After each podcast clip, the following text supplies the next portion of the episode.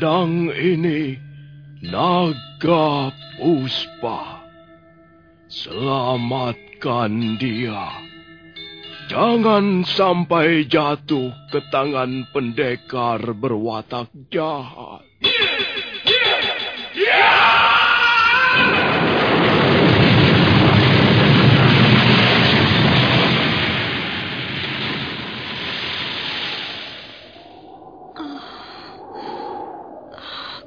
Kakang Kamandano. Kau... Kau masih juga tidak percaya bahwa aku... Aku mencintaimu. Mesin. Maafkan aku, Mesin. Oh. Mesin. Oh. Mesin!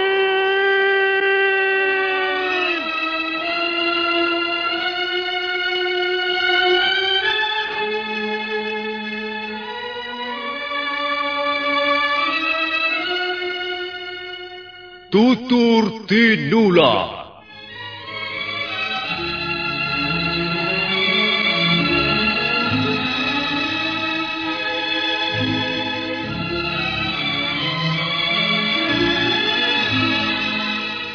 Sebuah sandiwara radio serial, produksi Sanggar Cerita dan teater Sanggar Prativi. Sebuah kisah dengan latar belakang sejarah runtuhnya Singasari dan berdirinya Kerajaan Majapahit.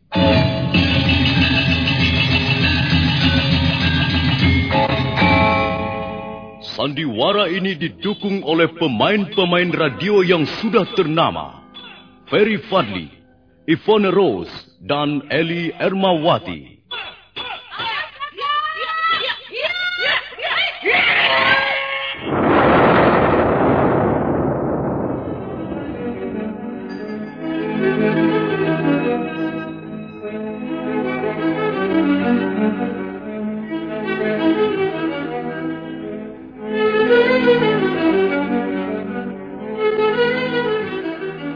Cerita ini ditulis dan disusun oleh S. Tijab. Teknik dan montase dikerjakan oleh Rudi Tinangon dan Joko SP. Sutradara Y. Rudi Wartono. Kali ini mengetengahkan episode ketiga dengan judul Daun-daun bersemi lagi.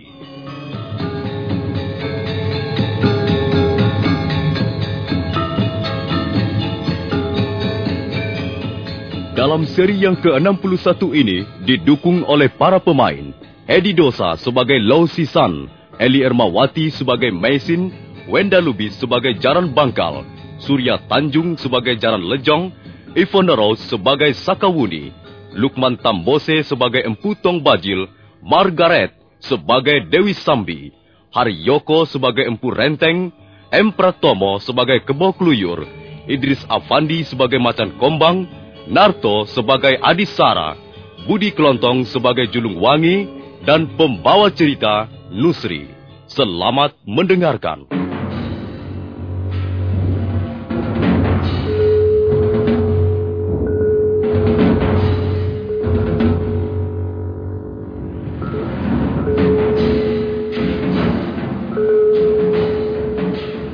Pendekar Low dan Mesin sedang mengintip jalannya pertandingan antara para pendekar pilih tanding di pelataran Candi Surabana. Mereka sama sekali tidak menyadari bahaya mengancam di sekeliling mereka.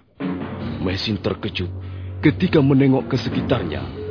Ada kira-kira 20 orang bersenjata mengepung mereka.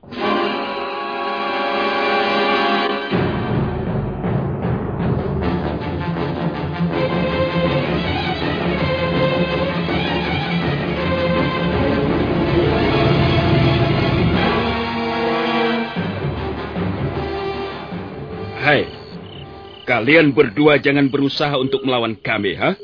Jangan salah sangka, saudara. Kami datang bukan dengan maksud mencari permusuhan. Kalian telah berani sekali datang dengan menyelinap dan mengintip apa yang kami lakukan di tempat ini. Hal itu tentu tidak akan membuat senang pimpinan kami. Kalian harus kami tangkap dan kami bawa ke depan pimpinan kami. Apa kesalahan kami hingga kami harus ditangkap? Ah, mengintip atau mencuri dengar apa yang dilakukan seseorang adalah pekerjaan buruk yang di negeri kami dapat dihukum berat. Baiklah. Kami mengaku bersalah. Hei, tunggu. Kalian tidak bisa datang dan pergi seenaknya di sini. Kami sudah mengaku bersalah. Dan kami bersedia pergi dari sini. Iya, kami tak akan mengganggu kalian.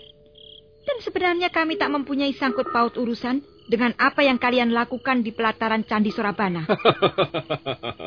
ha, kalian mengaku bersalah. Itu baik. Tapi kalian tidak bisa begitu saja meninggalkan tempat ini. Kami tidak menyukai keributan, saudara. Ini bukan soal suka atau tidak suka. Tapi kedatangan kalian di tempat ini sudah memancing keributan. Kalian sepertinya bukan penduduk asli desa ini. Kalian pasti berasal dari jauh. Iya, memang kami berasal dari jauh. Kami bukan warga asli negeri ini. Nah, untuk itu, kalian perlu kami periksa dengan seksama. Jadi kalian mencurigai kami? Mengapa kau tanyakan hal itu? Sudah jelas bahwa kami mencurigai kalian. Sudah loh. Jangan dengarkan. Mari kita pergi. Awas! Jangan sembarangan. Kalian hanya berdua dan kami lebih dari 20 orang. Kami tidak takut, walaupun kami hanya dua orang. Kau? Kau seorang perempuan, berani sekali kau berkata begitu di depan kami. Hah? Hei, hei, hei, hei, hei, Rupanya kalian mempunyai kepandaian juga. Iya. Walaupun hanya sedikit, kami mempunyai simpanan beberapa jurus untuk berjaga-jaga di jalan. Hei, pendekar asing. Sekalipun kalian mempunyai simpanan ratusan jurus, kalian tidak akan bisa berbuat banyak di daerah kami. Kalian mau bukti?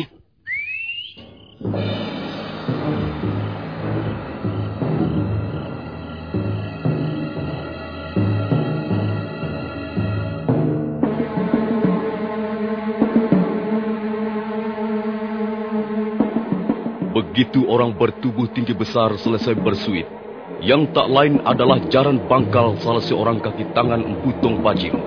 Dari balik semak belukar yang gelap, bermunculan sekitar 20 orang. Jadi jumlah mereka sekarang tak kurang dari 40 orang.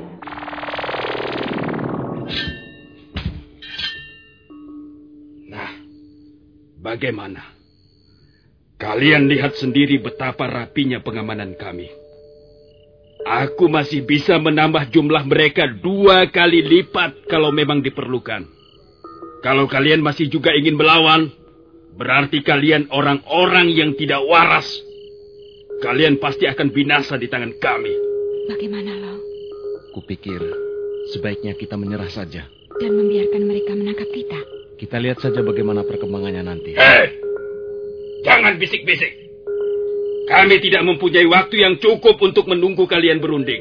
Oh, baiklah. Kami menyerah. Tapi kami tidak mau diikat. Huh, apa perlunya mengikat kalian? Hah? Kalian pikir kalian bisa lolos? Ayo, jalan!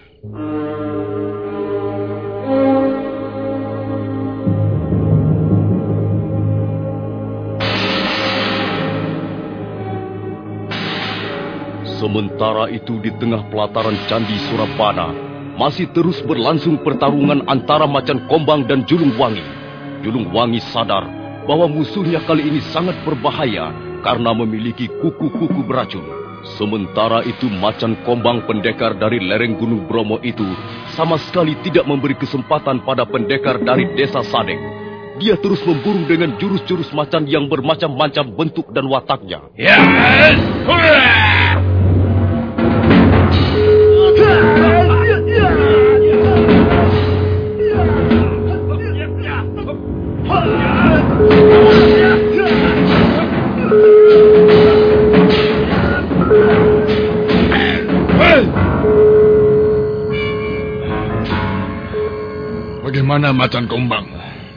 Kita sudah merampungkan 20 jurus dengan baik. Bagus. Tidak percuma kau menyandang nama pendekar telapak besi dari Sadeng. Pantas jumlah muridmu bertambah banyak. Rupanya kau tekun berlatih dan berhasil mengumpulkan kemajuan-kemajuan yang lumayan. Tapi tunggu dulu. Hmm. Apakah kau mempunyai jurus simpanan yang pantas untuk ditonton orang? Ah, tidak. Kau sudah pernah melihat jurus ini? Hmm. Hanya sekarang sudah kuperbaiki dan kumatangkan sedikit. Kau ingin melihatnya lagi, Julung Wangi? Ah, boleh. Boleh saja. Nah, bersiaplah. What? What? Julung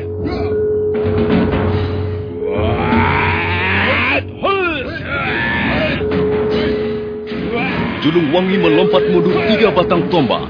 Dia tahu lawannya kali ini akan menggunakan jurus andalannya yang bernama Macan Angom. Jurus ini memang berbahaya dan tidak pernah diajarkan Macan Kombang pada murid-muridnya. Hmm. Kau, ya, kau curang Macan Kombang. Eh, semula kira kau sudah mematangkan ilmu yang kau miliki selama ini, Julung Wangi. Tapi ternyata perkiraanku meleset. Kau tidak berubah dari setahun yang lalu. kau licik dan curang. Ah, ah. Kau harus bersembunyi dulu paling tidak dua tahun, Julung Wangi. Jalan keluar sebelum ilmu yang kau miliki pantas dilihat orang. Oh, hmm. Kau pikir kau sudah memenangkan pertarungan ini?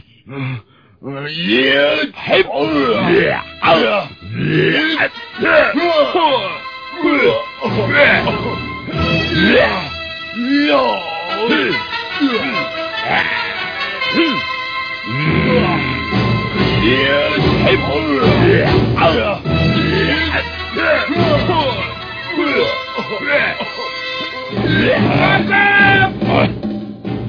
Cukup, Pateng Kombang. Hei, tolong Papa Tulung Wangi ke pinggir. Gebok luyur. Apa maksudmu turun ke tengah pelataran candi Sorabana ini? Apakah kau mau meneruskan apa yang telah gagal diraih Julung Wangi? Ha? Tidak. Aku turun ke tengah pelataran ini untuk memberi peringatan keras padamu, Matan Kombang. Kau telah berlaku curang. Kau licik. Ah, jangan berkata sembarangan kebok luyur. Kau menggunakan kukumu yang mengandung racun untuk merobohkan Julung Wangi. Apakah itu bukan suatu kelicikan? Ini pertarungan demi menjaga kehormatan dan harga diri seorang pendekar. Kalau memang Julung Wangi cukup gesit dan berilmu tinggi, dia tidak akan pernah menjadi korban kuku beracun gue ini. Di mana letak kecuranganku, kelicikanku? Kita bertarung untuk menang. Walaupun dengan cara yang paling busuk. Ah, yang penting menang. Apa pun cara yang dipakai.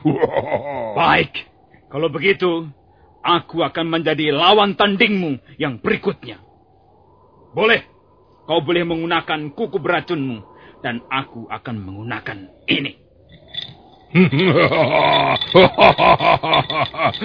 Setelah lebih dari tiga tahun tidak pernah bertemu, kau masih juga membawa mainan anak-anak itu ke bawah keluyur. memang, oh. ini memang barang mainan. Ya. Aku yang akan memainkannya, dan kau yang akan menjadi sasarannya, Masan Kumbang. Siaplah. Ya.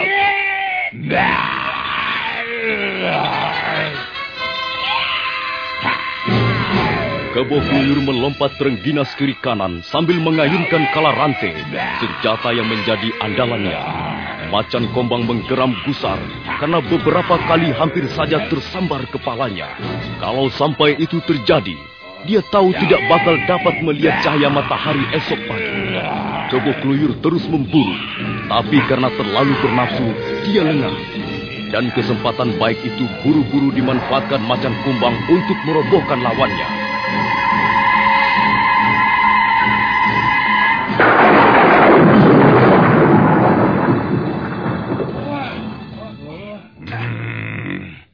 Apa maksudmu Adisara?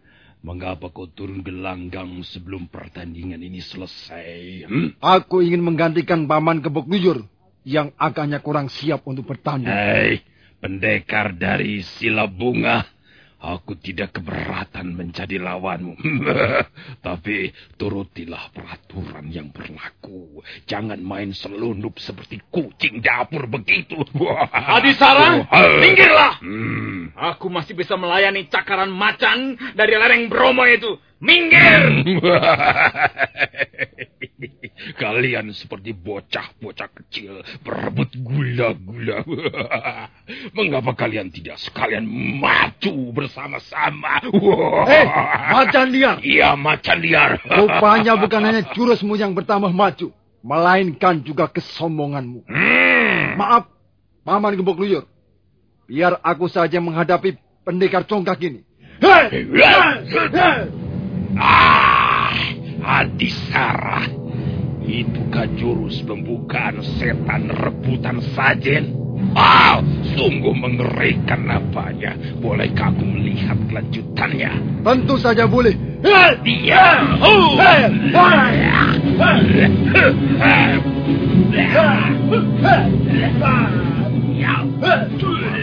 Ikan Sambi, mana yang lebih hebat menurut pendapatmu?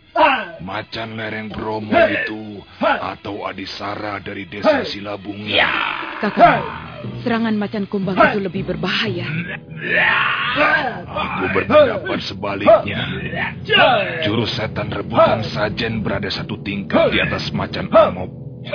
Tapi kalau Adisara tidak hati-hati, memang dia bisa menjadi mangsa kuku macan kombang. Pertarungan berlangsung dengan sengit sekali. Macan Kombang nampak keteter menghadapi gerakan aneh dari jurus setan rebutan sajen. Adisara dengan cepat sekali menyerang bolak-balik seperti mau merogoh jantung atau ulu hati lawannya. Mendadak Macan Kombang meraung keras sekali. Kemudian dengan gerakan kilat merogoh lipatan jubahnya yang berwarna hitam. Dan... Awas Adisara! Yeah!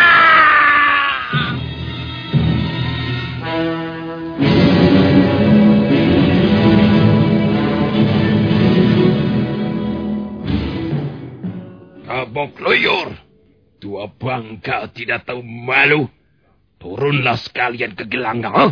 Aku masih sanggup menghadapi kalian berdua. Jangan main serobot seperti pencuri busuk. Macan kombang, kaulah pencuri bosok itu sendiri. Lihat, lihatlah para hadirin. Saking bernapsunya memenangkan pertarungan, Macan Edan ini telah menggunakan senjata rahasia. Kebo Kluyur lalu membungkuk beberapa kali dan memungut benda berwarna putih dari pelataran Candi Surabana.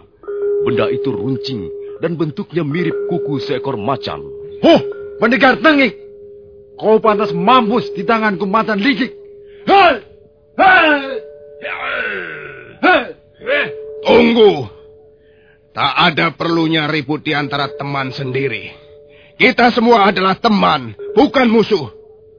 Seperti yang telah Tuan Kepu Mundarang katakan, bahwa pertandingan ini janganlah dijadikan gelanggang pembunuhan yang haus darah. Bagi yang menang ataupun yang kalah, tetap akan mendapatkan penghargaan dari pemerintah Kediri. Karena itu, janganlah bertarung sampai salah seorang menjadi binasa. Menjadi korban pukulan maut temannya sendiri. Begitu, pertandingan besar yang kita tunggu-tunggu selama ini tidak banyak artinya.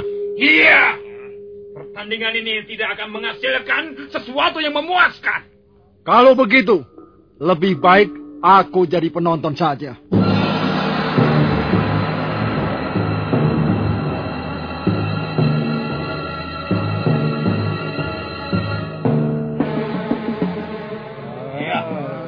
Macan Kombang, Kebo Kluyur dan Adisara segera melompat meninggalkan tengah gelanggang. Tapi belum sampai mereka meletakkan pantatnya di tempat masing-masing, mendadak jaran lecong masuk.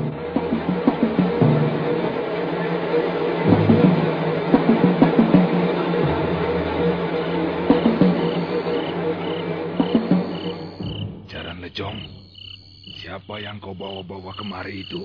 Ah, entahlah Tuanku Bajil. Dia tidak mau menyebutkan nama dan asal-usulnya. Dia memaksa memasuki Candi Surabana. Karena itu dia kami tangkap dan kami hadapkan kemari. Hmm, dia tidak mau menyebutkan nama dan asal-usulnya. Yang jelas dia pasti mempunyai niat yang buruk, Tuanku. Uh, mengapa kau mempunyai anggapan begitu, Jaran Lejong? Apakah kau merasa dirimu yang paling baik, yang paling berjasa dalam kelompokmu? Ah, tutup mulutmu. Kau tidak kami undang. Kau datang diam-diam. Bagaimana kau bisa kami anggap punya niat baik? Hmm. Mengapa aku tidak diundang? Coba, kau jawab pertanyaanku. Huh. Apakah kau merasa pantas untuk kami undang? Kau tidak tahu bahwa mereka yang ada di pelataran candi ini adalah para pendekar tangguh. Para pendekar pilih tanding. Mereka pantas mendapat undangan kehormatan itu. Sedang kau tidak. Hah. Jadi aku tidak diundang karena dianggap tidak pantas menghadiri pertemuan penting ini? Iya, begitu. Oh, apa ukurannya pantas dan tidak pantas? Biar aku yang menjawab, Jaran Nejong. Kau tahu persyaratan apa yang harus dimiliki bagi para pendekar yang hadir di pelataran Candi Sorabana ini? Hmm? Dengar. Pertama, dia harus seorang pendekar tangguh yang mampu mewakili tiga atau empat desa sekaligus. Dan kedua, dia bukan kaki tangan pemerintah Singasari yang sampai sekarang ini masih tercecer di mana-mana. Nah, kalau kau memenuhi dua persyaratan ini, kau boleh menjadi salah seorang peserta dalam pertandingan ini. Hmm. Rasanya aku memiliki dua persyaratan itu. Di sini bukan hanya mulut yang berbicara, tapi harus disertai bukti nyata. Aku sanggup membuktikannya. Hmm. Bagus. Cara Nejong. Iya, Tuanku. Coba berilah dia kesempatan untuk membuktikan pengakuannya. Baik, Tuanku Bajin.